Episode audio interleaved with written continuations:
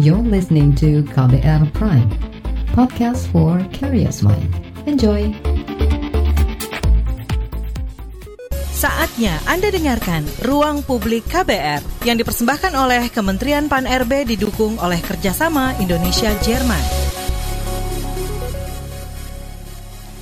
Selamat pagi para pendengar di mana pun Anda berada. Senang sekali saya Suara Madina kembali hadir menjumpai Anda pagi ini di ruang publik KBR yang dipersembahkan oleh Kementerian Pendayagunaan Aparatur Negara dan Reformasi Birokrasi Kemenpan RB dan didukung oleh kerjasama Indonesia-Jerman. Pelayanan kesehatan yang memadai merupakan fasilitas yang sangat dibutuhkan oleh masyarakat, terlebih lagi nih di masa pandemi ini.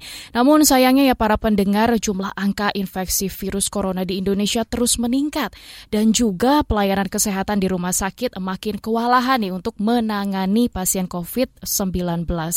Padahal selain kasus COVID, layanan kesehatan juga dibutuhkan ya bagi masyarakat yang membutuhkan pemeriksaan dan pengobatan lainnya. Nah, memang pelayanan tersebut ini menjadi terganggu akibat pandemi virus corona. Ternyata sejumlah rumah sakit ataupun puskesmas telah menerapkan strategi nih agar akses masyarakat yang memerlukan layanan kesehatan tidak terhambat akibat pandemi. Contohnya adalah RSUD Tobelo di Kabupaten Halmahera, Utara Maluku yang membuat inovasi bernama Salawaku. Serta di Puskesmas Kebonjuruk Jakarta yang menciptakan Curkelin Curhat Konsultasi online via telemedicine. Seperti apakah terobosan ini dan apa saja yang sudah dilakukan pelayanan kesehatan agar tetap memberikan yang terbaik pada saat pandemi COVID-19? Nah, kita akan membahasnya di ruang publik KBR. Langsung saja kita akan menyapa dua narasumber yang sudah hadir bersama saya di sini, namun via Zoom live streaming YouTube KBR, yaitu sudah ada Bapak Martinus Paulus Escape Mars, Kepala Bidang Keperawatan RSDU Tobelo, Halmahera Utara. Maluku Utara. Pagi, Pak Martinus. Selamat siang untuk Oke. Maluku ya Pak, selamat siang di sana. Timur ya. Oke, baik. Sehat Pak hari ini? Alhamdulillah, puji syukur sehat Bu. Ya. Sehat ya Pak ya, sehat juga untuk kita ya. semua. Dan selanjutnya ya, sudah ada. Dr. Elvira Kamaro Putri di Puskesmas Kecamatan Kebonjuruk Jakarta. Selamat pagi Dr. Elvira. Selamat pagi Mbak Dina. Iya, dokter selalu sehat selalu ya. Alhamdulillah. Alhamdulillah. Baik, terkait dengan pelayanan kesehatan saat COVID-19 yang dihadirkan oleh Kemenpan RB, tentu banyak sekali inovasi, banyak sekali terobosan yang nantinya akan kita bahas bersama ya, Bapak dan juga e, Ibu Dokter. Namun saya ingin ke Pak Martinus terlebih dahulu. Pak Martinus, bagaimanakah kondisi di RSUD Tobelo pada saat pandemi ini, Pak? Baik, terima kasih kesempatannya. Uh pendengar seluruh Indonesia yang berbahagia. Terima kasih kami diberi kesempatan di hari ini untuk bisa berbagi cerita, terutama kami di wilayah timur Indonesia yang mungkin sangat jauh. dengan pelayanan di rumah sakit daerah Tobelo di masa pandemi ini, secara umum uh, tidak uh, ada perubahan yang signifikan dalam arti semua pelayanan dapat berjalan dengan baik hanya saja baik itu dirawat inap maupun dirawat jalan. Hanya saja memang karena di masa pandemi ini maka ada beberapa strategi hmm. atau cara-cara yang harus dibuat dalam rangka bagaimana uh, bisa pelayanan itu dilakukan tapi juga aman untuk pasien tentunya dan juga untuk uh, petugas kesehatan. Seperti contoh uh, pelayanan tetap diberikan tapi tetap menggunakan APD dengan standar level sesuai dengan area dan wilayahnya masing-masing. Kemudian setiap pasien yang masuk, baik di IGD maupun rawat jalan, tetap dilakukan screening untuk memisahkan apakah pasien terkonfirmasi atau terpunya gejala suspek ke COVID atau tidak. Begitu juga uh, alur keluar masuk uh, baik tenaga kesehatan maupun uh, apa namanya pengunjung yang lain. Kemudian kita melakukan peniadaan untuk jam besok pada pasien rawat inap yang tadinya ada jam besok itu tidak dibedakan. Begitu juga untuk poliklinik itu kita lakukan uh, pelayanan seperti biasa, tapi kita buat jadwal secara bergantian, jadi tidak semua poli dibuka secara keseluruhan. Kemudian kita juga menata uh, tempat-tempat duduk dengan uh, jarak yang aman sehingga setiap pengunjung atau pasien itu juga aman ketika uh, datang ke rumah sakit. Mungkin demikian. Baik, kalau kesibukannya Pak uh, dibandingkan dengan di masa sebelum uh, COVID-19 seperti apa Pak? Bisa diceritakan juga mungkin kalau dulu kan lebih ramai gitu ya. Apakah sekarang lebih sepi atau seperti apa kondisinya?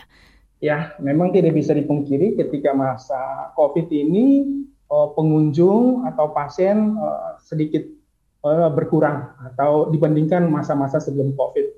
Cuma untuk pelayanan khususnya kami para tenaga medis dengan masa COVID ini uh, boleh dibilang terjadi penambahan pekerjaan ya. Karena hmm. misalnya pasien uh, COVID kan kita tahu bahwa uh, ini sesuatu yang baru uh, sulit diterima oleh masyarakat dan banyak sekali uh, apa namanya uh, katakanlah uh, ketidak uh, kerjasamanya dengan baik ya. Uh, terjadi penolakan dan sebagainya. Sehingga uh, pasien itu kita harus mengedukasi, harus me, uh, apa namanya, memberikan pendampingan bukan cuma pada waktu siang, kapan pun tengah malam pun kita harus ada di sana itu yang boleh dibilang uh, dalam segi tenaga kesehatan sendiri kami menambah pekerjaan. Sementara kalau Dan harus siap siaga ya Pak Martinus ya. Iya Bu, hmm. memang sudah harus siap siaga. Iya, mungkin okay. itu. Baik, kalau tadi uh, bercerita dari Maluku Utara, kita ke DKI Jakarta, Puskesmas di Kecamatan Kebonjeruk dengan Dokter Elvira. Dokter, kondisi memang uh, begitu beda jauh sekali ya kalau dibandingkan di masa COVID dan juga sebelum COVID. Uh, ini ini apa ya? Apakah ini juga terjadi di DKI Jakarta seperti itu contohnya di Kecamatan Kebonjeruk, Dokter? Ya, Uh, selamat pagi Mbak Dina dan seluruh pendengar di mana pun Anda berada. Selamat pagi Bapak Martinus. Ya, selamat pagi dok. Ya, terima kasih sudah mengundang saya juga dalam acara talk show ini. Jadi kalau di pelayanan di puskesmas Kecamatan Kebonjeruk khususnya, hmm, mengenai kunjungan di pasien di puskesmas ini memang tidak jauh berbeda dengan di Maluku. Jadi benar-benar ada penurunan pasien gitu ya. Penurunan pasien yang cukup drastis sih, sekitar 60 persen. Jadi sebelum pandemi, uh, sejak kita viral di media sosial dengan karena banyaknya inovasi, kaji banding berdatangan dari dalam negeri maupun luar negeri, dari Beijing, Meksiko dan sebagainya itu setiap hari bisa ada kaji uh, kaji banding gitu. Hampir setiap hari kedatangan tamu kaji banding. Nah, sejak itu banyak sekali pasien berdatangan ke sini. Jadi pasien-pasien yang datang ke sini bisa sampai 1.500 per hari Ya, jadi sekitar 30% persen itu juga ada pasien-pasien di luar wilayah kebon jeruk yang memang senang berobat di sini. Seperti itu. Apa yang nah, dihadirkan nah, di sana, dokter? Ah, banyak sekali. Jadi um, sejak tahun 2015 kita ada Pokemon, Manula One Stop Service. Nah, itu yang bikin booming se-Indonesia dan bahkan dari mancanegara uh, dari mantan presiden Meksiko juga kaji banding ke sini gitu. Kemudian ada Brexit itu tentang hygiene sanitasi klinik uh, dari kesehatan lingkungan ya, program kesehatan lingkungan. Kemudian ada Hiroshima itu kesehatan jiwa. Jadi kita ke masyarakat, kita uh, monitoring kesehatan jiwa masyarakat, screening dan sebagainya. Dan masih banyak lagi inovasinya setiap tahun pasti ada. Nah, sejak itu mulai banyak pasien yang berdatangan ke sini. Namun selama pandemi ini justru penurunan pasien sekitar uh, eh, 500 sekitar uh, ya sekitar 500-an per harinya. Mm-hmm. Uh, sebelum pandemi sekitar 1.500, sekarang hanya 500 sampai 600. Itu hal ini karena kami melakukan beberapa penyesuaian sih dalam dalam pelayanan. Contohnya pada kunjungan sehat. Jadi seperti pemeriksaan pranikah itu kan pasangan-pasangan uh, yang ingin menikah itu harus dilakukan pemeriksaan secara holistik gitu. Jadi kami batasi 15 pasangan per hari. Sebelumnya tidak ada pembatasan. Nah, itu tujuannya adalah untuk menghindari kerumunan sebenarnya di puskesmas kami. Jadi uh, untuk menurunkan penyebaran ya. Baik. Seperti itu. Baik. Nah, jadi uh-huh. silakan dilanjutkan dokter. Nah, jadi sebelum uh, melakukan pemeriksaan mereka harus booking terlebih dahulu karena kita maksimalkan 15 pasangan per hari. Selain itu juga ada prolanis itu juga kunjungan sehat juga sebenarnya. Jadi kegiatan prolanis itu rutin setiap bulan ada senam prolanis dan sebagainya uh, check up juga ya.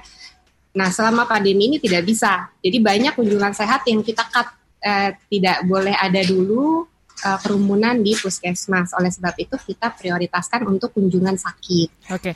baik uh, dokter. Uh, namun juga kan di DKI Jakarta saat ini juga di beberapa wilayah uh, ada yang terjangkit begitu banyak di zona merah. Bagaimana kondisinya kalau di Kebon Jeruk sendiri, dokter? Iya, di Kebon Jeruk sendiri, uh, memang DKI Jakarta itu kan uh, sentral ya. Mm -hmm.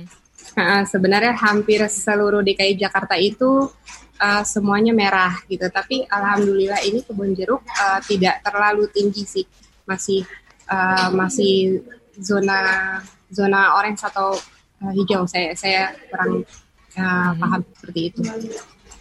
Oke, okay, baik.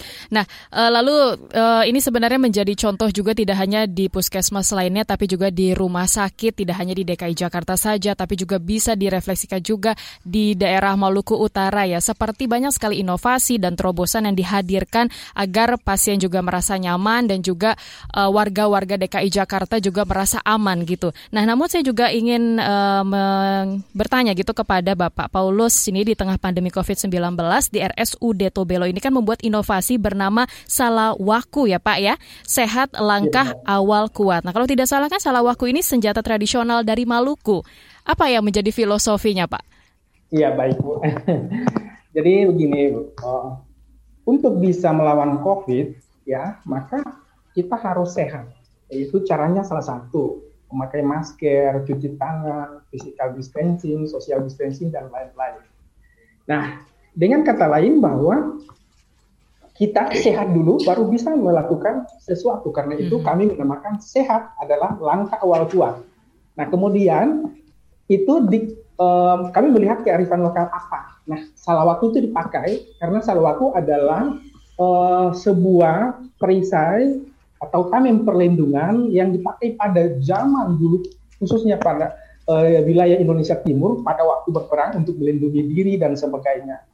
Jadi sebenarnya salwaku itu sebagai simbol yang dipakai untuk mengingatkan bahwa kalau untuk kita sehat, maka kita harus memperlakukan protokol kesehatan dengan cara pakai masker, cuci tangan, physical distancing, dan lain-lain. Jadi sebenarnya itu cuma sebagai simbol dengan kata bahwa kalau kita sehat, kita harus menggunakan salwaku dengan cara hidup sehat, menggunakan protokol kesehatan. Oke. Okay. Salawaku ini uh, hanya diterapkan pada saat COVID-19 atau mungkin sebelumnya juga diterapkan Pak di rumah sakit yang ada di sana? Jadi sebetulnya uh, awal kami sudah punya satu layanan namanya WA, WA Gateway. Jadi ketika masa pandemi COVID ini uh, ada, nah kami lalu membuat inovasi memberikan layanan broadcast berupa informasi-informasi yang menyangkut dengan bagaimana melakukan protokol kesehatan dalam masa pandemi COVID ini. Mungkin demikian.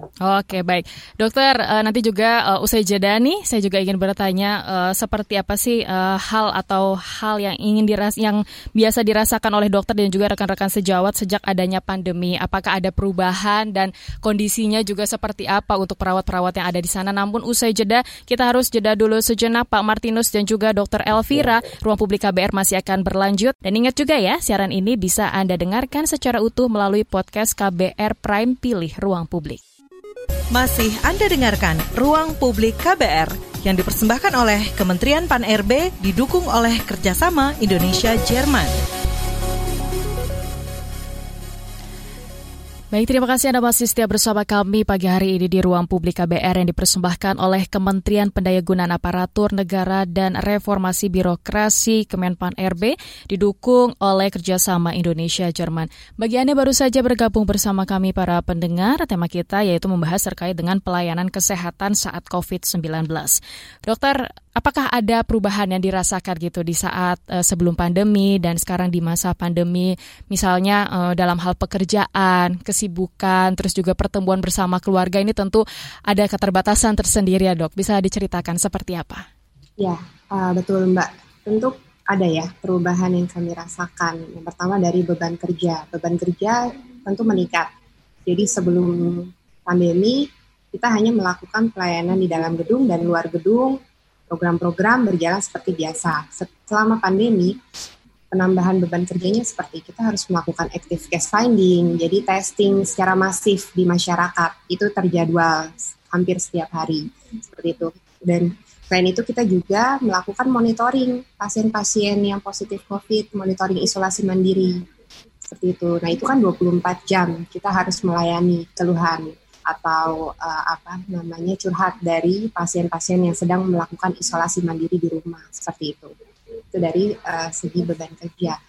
Selain itu juga tentu psikologis ya dari kami nakes uh, kekhawatiran tertular COVID-19 ini cukup besar Walaupun uh, APD telah kami gunakan sesuai zonanya, namun uh, tetap saja uh, kekhawatiran tidak, gitu ya, dok, ya? Uh, betul, hmm. kekhawatiran itu tetap uh, masih ada gitu. Jadi kami melakukan modifikasi, kami melakukan uh, upaya untuk mengatur jadwal sedemikian rupa agar uh, beban kerja nakes ini tidak terlalu berat karena faktor kelelahan juga kan akan menurunkan imunitas. Hmm, betul. Seperti itu ya. Lalu Jadi, strategi apa nih agar dokter dan juga be beberapa perawat agar bisa tetap uh, memiliki imun yang terbaik gitu?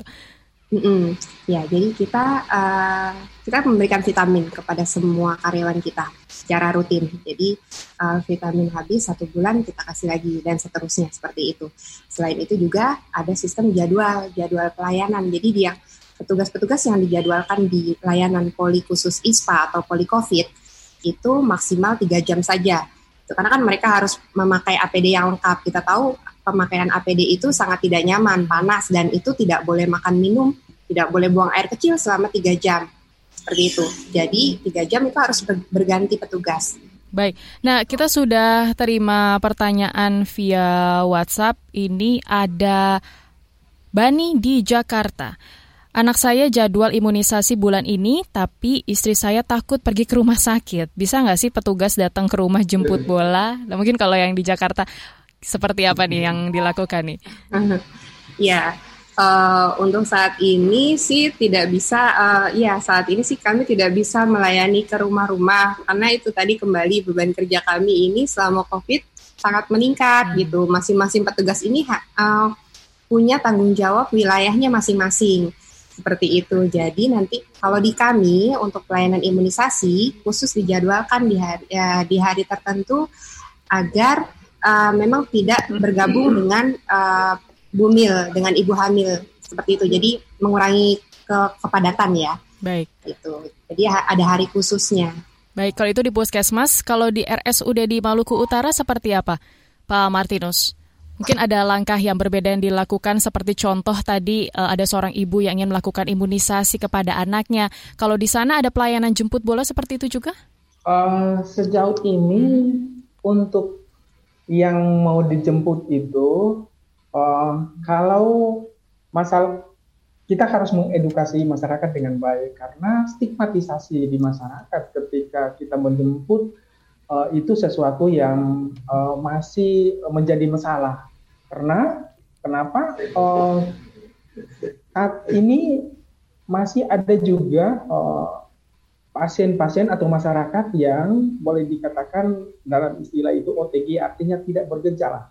Jadi kalaupun kita menjemput memang uh, masih ada rasa ketakutan juga ya, gitu dari sana. Kita mau dan itu apakah menjadi masalah tidak menjadi masalah buat orang lain khususnya tetangga dan lain sebagainya. Sehingga memang perlu ada sebuah komunikasi yang baik Baik, kalau uh, kita kembali lagi terkait uh, dengan uh, inovasi Salawaku yang tadi sebelumnya diceritakan oleh Pak, Pak Martinus gitu.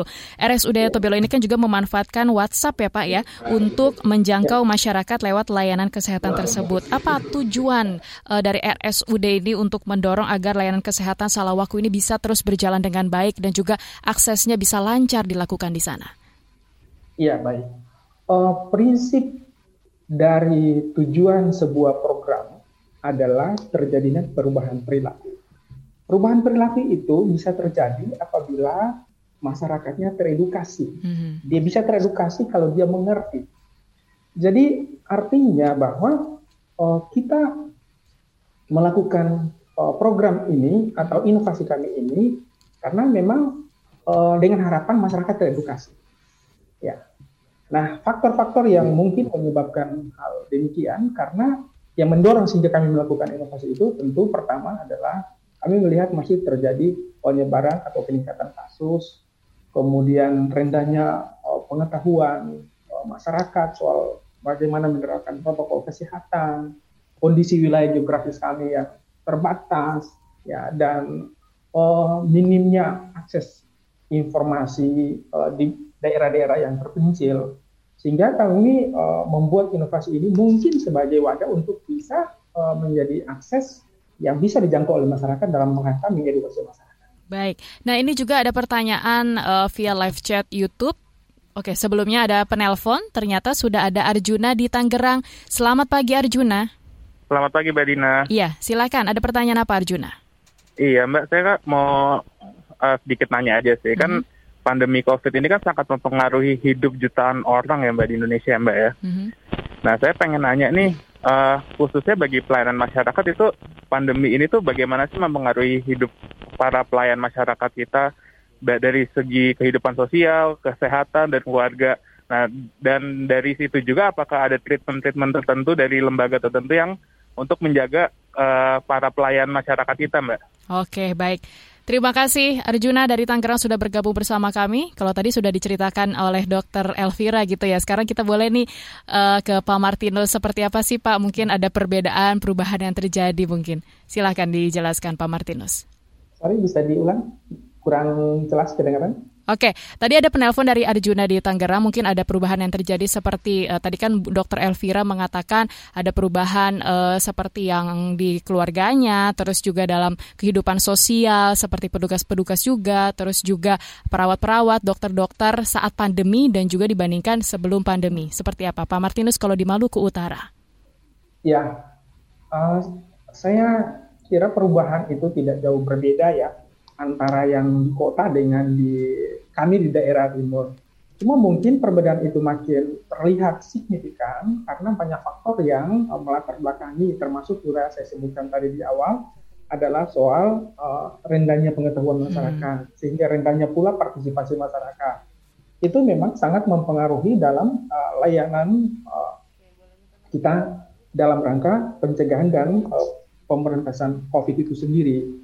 Nah, terkait dengan strategi-strategi tentu yang paling efektif yang bisa dilakukan saat ini adalah bagaimana bisa ada akses komunikasi sehingga masyarakat teredukasi ya. E, sehingga ya kalaupun tadi ditanya bagaimana kira-kira strategi apa strategi adalah bagaimana kita bisa membangun oh, jejaring komunitas baik dari tokoh masyarakat ya LSM atau lembaga yang lain sehingga Eh, dengan demikian dukungan peran serta masyarakat makin besar dan masyarakat tuh punya partisipasi aktif dalam rangka uh, bersama-sama mencegah atau memberantas COVID itu sendiri. Oke, baik. Dokter Elvira, dan ini juga tadi sebelumnya di awal saya uh, menceritakan kalau ada um, seperti inovasi gitu yang dilakukan di Puskesmas uh, Kecamatan Kebonjeruk yaitu Curkelin. Bisa dijelaskan uh, ini inovasi seperti apa sih yang dihadirkan di sana dan ternyata tadi sebelumnya kita, juga kita ngobrol-ngobrol banyak sekali inovasi yang dihadirkan di Puskesmas tersebut. Silakan, Dokter. Ya, jadi pandemi COVID ini sama sekali tidak menyurutkan keinginan kami untuk meningkatkan kualitas pelayanan. Jadi dengan uh, semakin tingginya kasus COVID di Indonesia dan tingginya kematian uh, akibat COVID, justru semakin memicu kami untuk membuat terobosan ya uh, dalam rangka pencegahan penyebaran COVID di uh, area perkantoran. Gitu. Hmm. Gitu. Puskesmas Kecamatan Kebonjeruk sendiri itu kan merupakan perkantoran jadi kami melakukan inovasi tidak hanya di Puskesmas Kebonjeruk, tapi juga perkantoran di seluruh di wilayah Kecamatan Kebonjeruk. Seperti itu. Salah satunya adalah tadi Cerkelin, seperti yang Mbak Dina katakan ya. Jadi Cerkelin ini adalah media untuk memfasilitasi jadi layanan kesehatan online gitu dari pasien kepada dokter gitu jadi kan uh, karena COVID ini kan pasien takut ya untuk datang ke puskesmas. Jadi untuk kasus-kasus yang tidak emergensi mereka bisa memanfaatkan fasilitas Circlein tersebut. Okay. Gitu. Jadi apa pun Saya, bisa dibahas gitu ya melalui Circlein gitu ya, betul, ya terkait betul. dengan pelayanan kesehatan. Iya, betul Baik. sekali. Hmm. Dokter, sebelum dilanjutkan kembali, kita terima telepon terlebih dahulu ya dari Tini di Depok. Selamat pagi, Tini. Halo, selamat pagi Mbak Dina. Iya, silakan Ibu Tini. Iya. Ini uh, saya mau tanya nih dengan Bu Dokter ya. Mm-hmm. Um, ini bagaimana caranya ya agar masyarakat itu tidak takut dengan warga yang terkena COVID, misalkan di daerah kita ada yang terkena COVID gitu ya. Itu gimana caranya kita gitu? Maksud kita juga kan tidak bisa dekat-dekat dengan orang itu, tapi gitu ya kan. Uh, cara yang yang bisa kita bantu untuk mereka gitu. Maksudnya uh, tidak dengan berdekatan itu apa yang harus kita lakukan gitu. Karena kan mereka tidak isolasi di rumah sakit, mereka isolasi mandiri di rumah. Ya Baik. begitu Mbak Dina. Baik, terima kasih Ibu Tini dari Depok sudah bergabung bersama kami. Namun dokter, kita harus jeda dulu sejenak nanti ditanggapi usai jeda. Masih Anda dengarkan Ruang Publik KBR yang dipersembahkan oleh Kementerian Pan-RB didukung oleh kerjasama Indonesia-Jerman. Terima kasih Anda masih setia bersama kami di Ruang Publik KBR yang dipersembahkan oleh Kementerian Pendayagunaan Aparatur Negara dan Reformasi Birokrasi yang didukung oleh kerjasama Indonesia-Jerman. Bagi Anda baru saja bergabung, tema kita masih membahas terkait dengan pelayanan kesehatan saat COVID-19. Baik, Dr. Elvira, sebelum tadi menanggapi pertanyaan dari Tindi di Depok, kita terima telepon terlebih dahulu. Sudah ada Jatmiko di Madiun. Selamat pagi, Pak Jatmiko. Terima kasih, selamat pagi, Mbak ya. Dia. Ya, Pak silakan. Martinus dan Dr. Elvila, uh, selamat pagi menjelang siang semua. Uh, salam sehat selalu dan uh, salam tangguh. Ada beberapa poin uh, Mbak Dina nanti dan Bapak Ibu sekalian. Uh, yang pertama mau menanyakan sedikit untuk uh, Dr. Elvira hmm. uh, di tengah kota, uh, apakah lebih kurang uh, untuk uh, uh, yang bisa konsul tadi itu istilahnya lebih seperti telemedicine yang uh, sudah sudah beredar yang uh, dari uh, para rekan sejawat uh, dokter swasta itu yang pertama. Dan berapa uh, dalam sehari mengcover untuk berapa uh, warga sekitar gitu.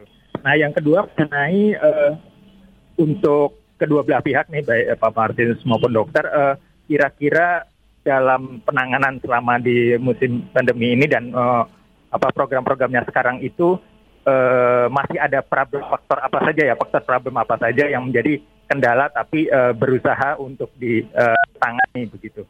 Pertanyaan terakhir ketiga adalah uh, selama ini ada target khusus nggak maksudnya yang diberikan kepada dari Pemda masing-masing untuk uh, baik pelayanannya maupun waktu uh, periode untuk menangani para pasien di sekitar. Itu saja dulu, Mbak Dina. Terima kasih banyak kepada dokter dan Bapak semua. Baik. Selamat pagi, selamat bertugas. Terima kasih partisipasinya Pak Jatmiko. Pertanyaan sampai tiga poin gitu ya disampaikan untuk Dokter Elvira dan juga Bapak Martinus. Tadi sebelumnya ada Ibu Tini bagaimana cara mengedukasi agar warga tidak takut dengan warga lainnya dan juga pertanyaan tiga hal dari Pak Jatmiko. Silakan Dokter Elvira, mana dulu yang ingin ditanggapi? Silakan. Hmm, Oke okay, baik.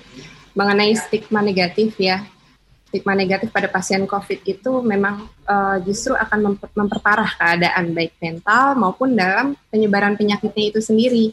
Gitu. Jadi banyak pasien-pasien uh, COVID-19 ini yang mengaku merasa tertekan atas stigma negatif yang ia dapatkan dari masyarakatnya gitu. Jadi imunitasnya semakin menurun mm-hmm. seperti itu. Jadi uh, seharusnya dengan teknologi informasi yang semakin berkembang saat ini kita bisa support mereka. Kita bisa support melalui WhatsApp atau melalui telepon ya. Itu kan tidak memerlukan kontak langsung dengan pasien. Seperti itu. Atau dari masyarakat Pak RT, Pak RW juga bisa melakukan uh, bahu membahu seperti misalnya cantelan gitu, memberikan makanan, mengirim makanan karena kan pasien-pasien ini tidak boleh keluar rumah ya untuk berbelanja atau untuk membeli makanan. Jadi uh, saling support dengan tetangganya itu akan sangat membantu imunitas dari pasien itu, itu sendiri. Baik, nah tadi juga dari Pak Jatmiko untuk yang telemedicine itu teman-teman bisa mengcover berapa warga sekitar dalam sehari? Telemedicine uh, di sini kira-kira 10 sampai 20 mm -hmm. pasien per hari gitu. Kita belum buka 24 jam, hanya sampai jam 4 sore. Oke, okay, baik. Layanan telemedicine ya. Oke, baik. Nah, lalu juga tadi mungkin ada problem-problem yang selama ini belum bisa ditangani. Uh, sekarang langkah apa yang dilakukan juga untuk bisa menangani berbagai problem? Mungkin Bapak Martinus seperti apa yang ada di Maluku Utara? Silahkan. Ya baik. Terima kasih Pak Janiko. Uh, eh, terkait dengan inovasi kami dan terkait pula dengan problem apa yang kami hadapi, tentu yang pertama adalah terbatasnya jaringan mm -hmm. uh, teman-teman, eh, sorry, masyarakat yang memiliki uh, telepon, tidak semua juga punya akses eh, WA. Nah itu. Kemudian ada juga yang memang menjadi masalah saya melihat hampir seluruh di seluruh Indonesia adalah uh, rendahnya uh, pengetahuan masyarakat karena memang di dunia sosial di mana-mana COVID masih saja yang beranggapan bahwa itu adalah konspirasi dan sebagainya sehingga masyarakat ya? terutama kami di timur itu bingung mana ini yang benar gitu dan ini sangat mempengaruhi dan itu menjadi problem bagi kami. Mungkin itu yang kedua, kemudian yang kedua yang target tadi, uh, saya kira target untuk uh, secara umum semua hampir sama. Targetnya adalah bagaimana kita bisa bebas dari COVID ini. Ya, ya memang sampai hari ini masih menjadi perjuangan kita semua. Baik, karena memang kesehatan itu yang paling utama bagi ya, seluruhnya betul. ya Pak ya. ya. Baik, nah ini juga ada pertanyaan via WhatsApp Oke, ini via WhatsApp yaitu dari Ahmad di Cilengsi. Aplikasi yang dibuat di RSDU Tobelo, dananya dari mana? Yang bikin pihak swasta atau pemerintah? Paling banyak penggunaannya untuk pelayanan apa selama ini? Silahkan, Pak Martinus. Iya baik, terima kasih. Uh, seperti sudah disampaikan di awal, bahwa sebetulnya kami uh, awalnya sudah mempunyai program uh, namanya WAGP hmm. yang memang peruntukannya itu khusus kepada pasien-pasien rawat minat rawat jalan yang nantinya bisa mendapatkan informasi-informasi yang menjatuh dengan layanan yang ada di rumah sakit kami. Uh, siapa yang membuatnya? Kebetulan kami sudah punya sistem uh, informasi rumah sakit yang notabene itu uh, kami uh, bekerja sama dengan uh, PT Buana dalam menyiapkan ini. Jadi Nah, ketika masa pandemi ini ada, kami tinggal menambah program inovasi yang tadi sudah disebutkan di awal. Mungkin demikian. Baik, uh, untuk di Maluku Utara sendiri apakah hanya di Halmahera saja Pak? Atau mungkin di daerah-daerah wilayah-wilayah lainnya juga mempunyai inovasi? Di daerah sana, Maluku? Oh, kalau untuk daerah yang lain sejauh ini saya belum hmm. belum dapat informasi. Mungkin Baik. juga ada tapi uh, saya belum tahu. Baik, uh, kalaupun juga kami boleh mengetahui Pak nomor WhatsApp yang bisa dihubungi karena ini salah satu pelayanan mas kesehatan yang baik yang dihadirkan di Maluku Utara agar juga masyarakat di sekitar sana bisa mendengar mungkin bisa disampaikan Pak berapa nomor WhatsApp yang ada? Oke, baik. Nomor WhatsAppnya 0811 mm -hmm. 431 Iya. 33 130. Oke, baik. Nah, ini informasi yang begitu penting ya Pak ya, agar pelayanan kesehatan yang dihadirkan, berbagai inovasi yang ada di Maluku Utara bisa uh, diterima gitu dan bisa dirasakan juga oleh berbagai masyarakat yang ada di sana. Dan selanjutnya sudah ada Ibu Susi di Sukabumi. Selamat pagi Bu Susi. Halo, selamat pagi. Ya, silahkan singkat saja Ibu Susi pertanyaannya. Uh, saya mau tanya dengan Dokter Elvira ya. Uh, mau tanya bagaimana efektivitas pelayanan kesehatan puskesmas saat COVID seperti ini? Sedangkan banyak ya masyarakat yang saya tahu takut untuk ke rumah sakit saat seperti itu. Baik, itu saja Ibu Susi. Terima kasih dari Sukabumi. Bagaimanakah efektivitas pelayanan puskesmas? Silahkan, Dokter Elvira.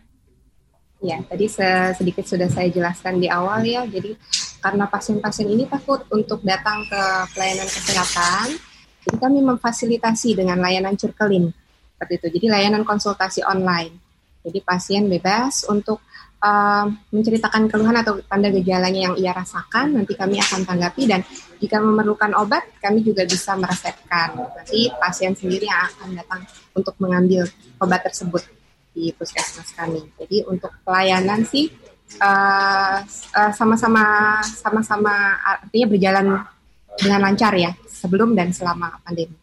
Oke, nah nanti juga saya ingin bertanya apabila ada uh, masyarakat atau yang ingin berkunjung gitu ke puskesmas walaupun uh, tidak uh, melalui curkelin, apa langkah yang harus dilakukan oleh pasien nih untuk bisa terhindar dari COVID-19? Namun usai jeda ya dokter ya. Dan kita harus jeda dulu sejenak, ruang publik KBR masih akan berlanjut. Dan ingat juga ya, siaran ini bisa Anda dengarkan secara utuh melalui podcast KBR Prime Pilih Ruang Publik. Masih Anda dengarkan Ruang Publik KBR yang dipersembahkan oleh Kementerian Pan-RB didukung oleh kerjasama Indonesia-Jerman. Saudara inilah bagian akhir Ruang Publik KBR yang dipersembahkan oleh Kementerian Pendayagunaan Aparatur Negara dan Reformasi Birokrasi PAN-RB didukung oleh kerjasama Indonesia-Jerman. Tema kita masih membahas terkait dengan pelayanan kesehatan saat COVID-19. Baik, Dokter Elvira, uh, tadi sebelumnya ada pertanyaan saya terkait uh, ada hal-hal yang harus diperhatikan oleh pasien tidak atau mungkin ada aturan tersendiri saat mereka tetap ingin datang uh, ke puskesmas. Silakan dokter. Oke, tentu saja protokol kesehatan 3M harus diterapkan menggunakan masker, mencuci tangan saat akan memasuki puskesmas dan sesaat sebelum keluar dari puskesmas. Kemudian menjaga jarak minimal 1 meter untuk memutus rantai penularan penyakit corona. Nah, yang kedua, uh, usahakan tidak membawa pendamping ya gitu karena ini akan menambah kerumunan di puskesmas kecuali pasien-pasien khusus tentunya yang memang membutuhkan pendampingan seperti uh, balita, lansia atau penyandang disabilitas seperti itu Mbak Dina. Baik, nah ini juga ada pertanyaan via YouTube uh, Jainal Abidin, apa yang harus dilakukan jika memiliki gejala COVID dan kapan harus mencari pertolongan medis? Silakan dokter. Oke, sesegera mungkin, sesegera mungkin uh, harus datang ke layanan kesehatan. Jadi kita ada poli COVID, kita ada poli ISPA khusus untuk melayani pasien-pasien dengan gejala saluran pernafasan akut seperti itu. Jadi nanti kita akan periksa lebih lanjut apakah memerlukan cek darah atau langsung di swab. Nanti akan dilakukan investigasi atau penyelidikan epidemiologi terlebih dahulu seperti itu, Mbak. Oke, baik. Nah, ini kembali lagi ke Bapak Martinus di Maluku Utara. Pak Martinus, uh, seberapa sering sih informasi dan juga edukasi kesehatan dibagikan kepada masyarakat melalui WhatsApp uh, Gateway Salawaku? Ke dalam sehari, berapa kali gitu Pak dilakukan kepada masyarakat?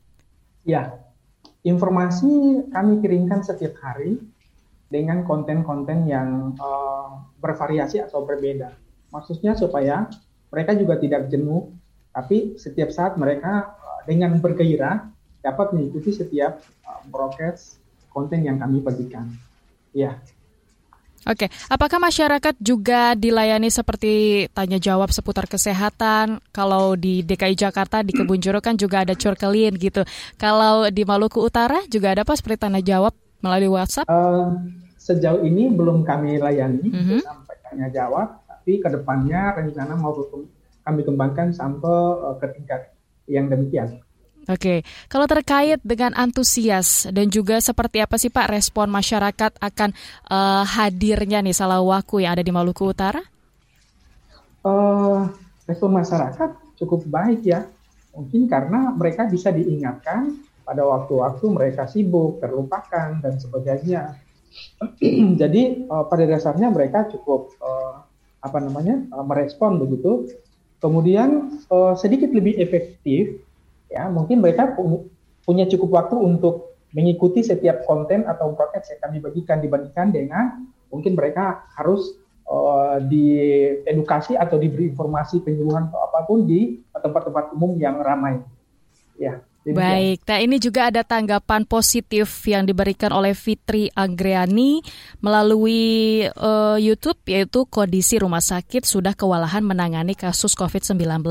Maka penting memaksimalkan peran puskesmas. Apresiasi inovasi yang sudah dilakukan puskesmas dan juga berharap bisa ditiru puskesmas lainnya. Ini tentu banyak sekali inovasi dan tidak hanya curkelin aja ya dokter ya. Nanti bisa ya, uh, nanti juga bisa disampaikan. Nah, namun uh, dokter apa sih pesan yang ingin disampaikan sampaikan agar kita bisa menjaga kesehatan dengan baik dan juga menjaga imun kita agar tetap sehat bugar?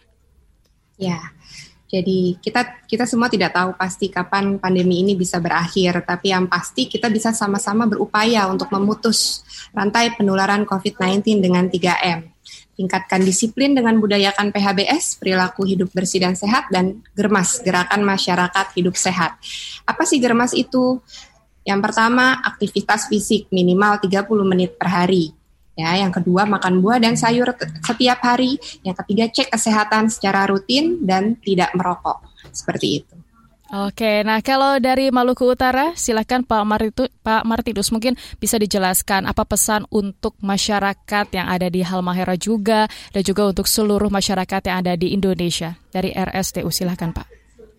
Ya baik, uh, pesan kami yang pertama tentu dengan inovasi ini, inovasi yang uh, kami miliki diharapkan supaya mereka dapat menggunakan inovasi itu dengan baik.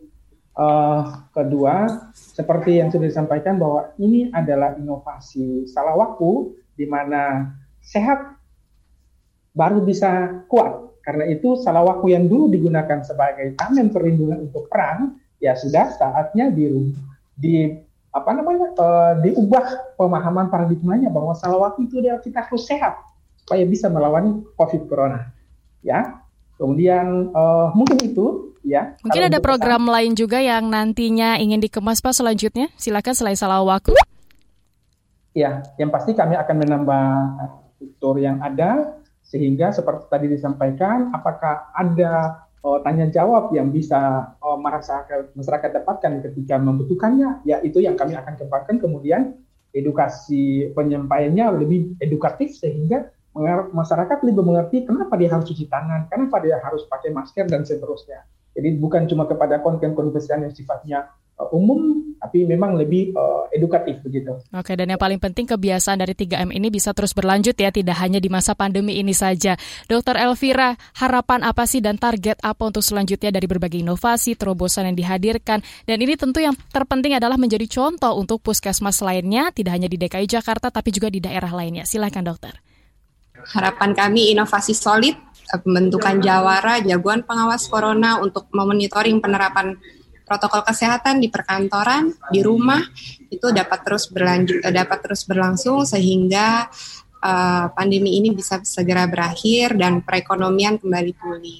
Targetnya dihadirkan dari berbagai inovasi yang ada di Puskesmas. Mungkin selanjutnya ingin melakukan program lagi lainnya lebih banyak lagi atau seperti apa untuk bisa uh, tersampaikan kepada masyarakat? Ya, uh, uh, uh, target target inovasi ini juga uh, artinya akan terus berlanjut. Kemudian kita menciptakan inovasi-inovasi lainnya based on dari uh, masalah yang kita alami selama menjalani pelayanan seperti itu. Baik, terima kasih Dr. Elvira Kamaro Putri dari Puskesmas Kecamatan Kebonjuruk Jakarta dan juga Bapak Martinus Paulus Escape Mars, Kepala Bidang Keperawatan RSDU Tobelo Halmahera Utara Maluku Utara sudah bergabung bersama kami di ruang publik KBR. Boleh terakhir Oke, okay.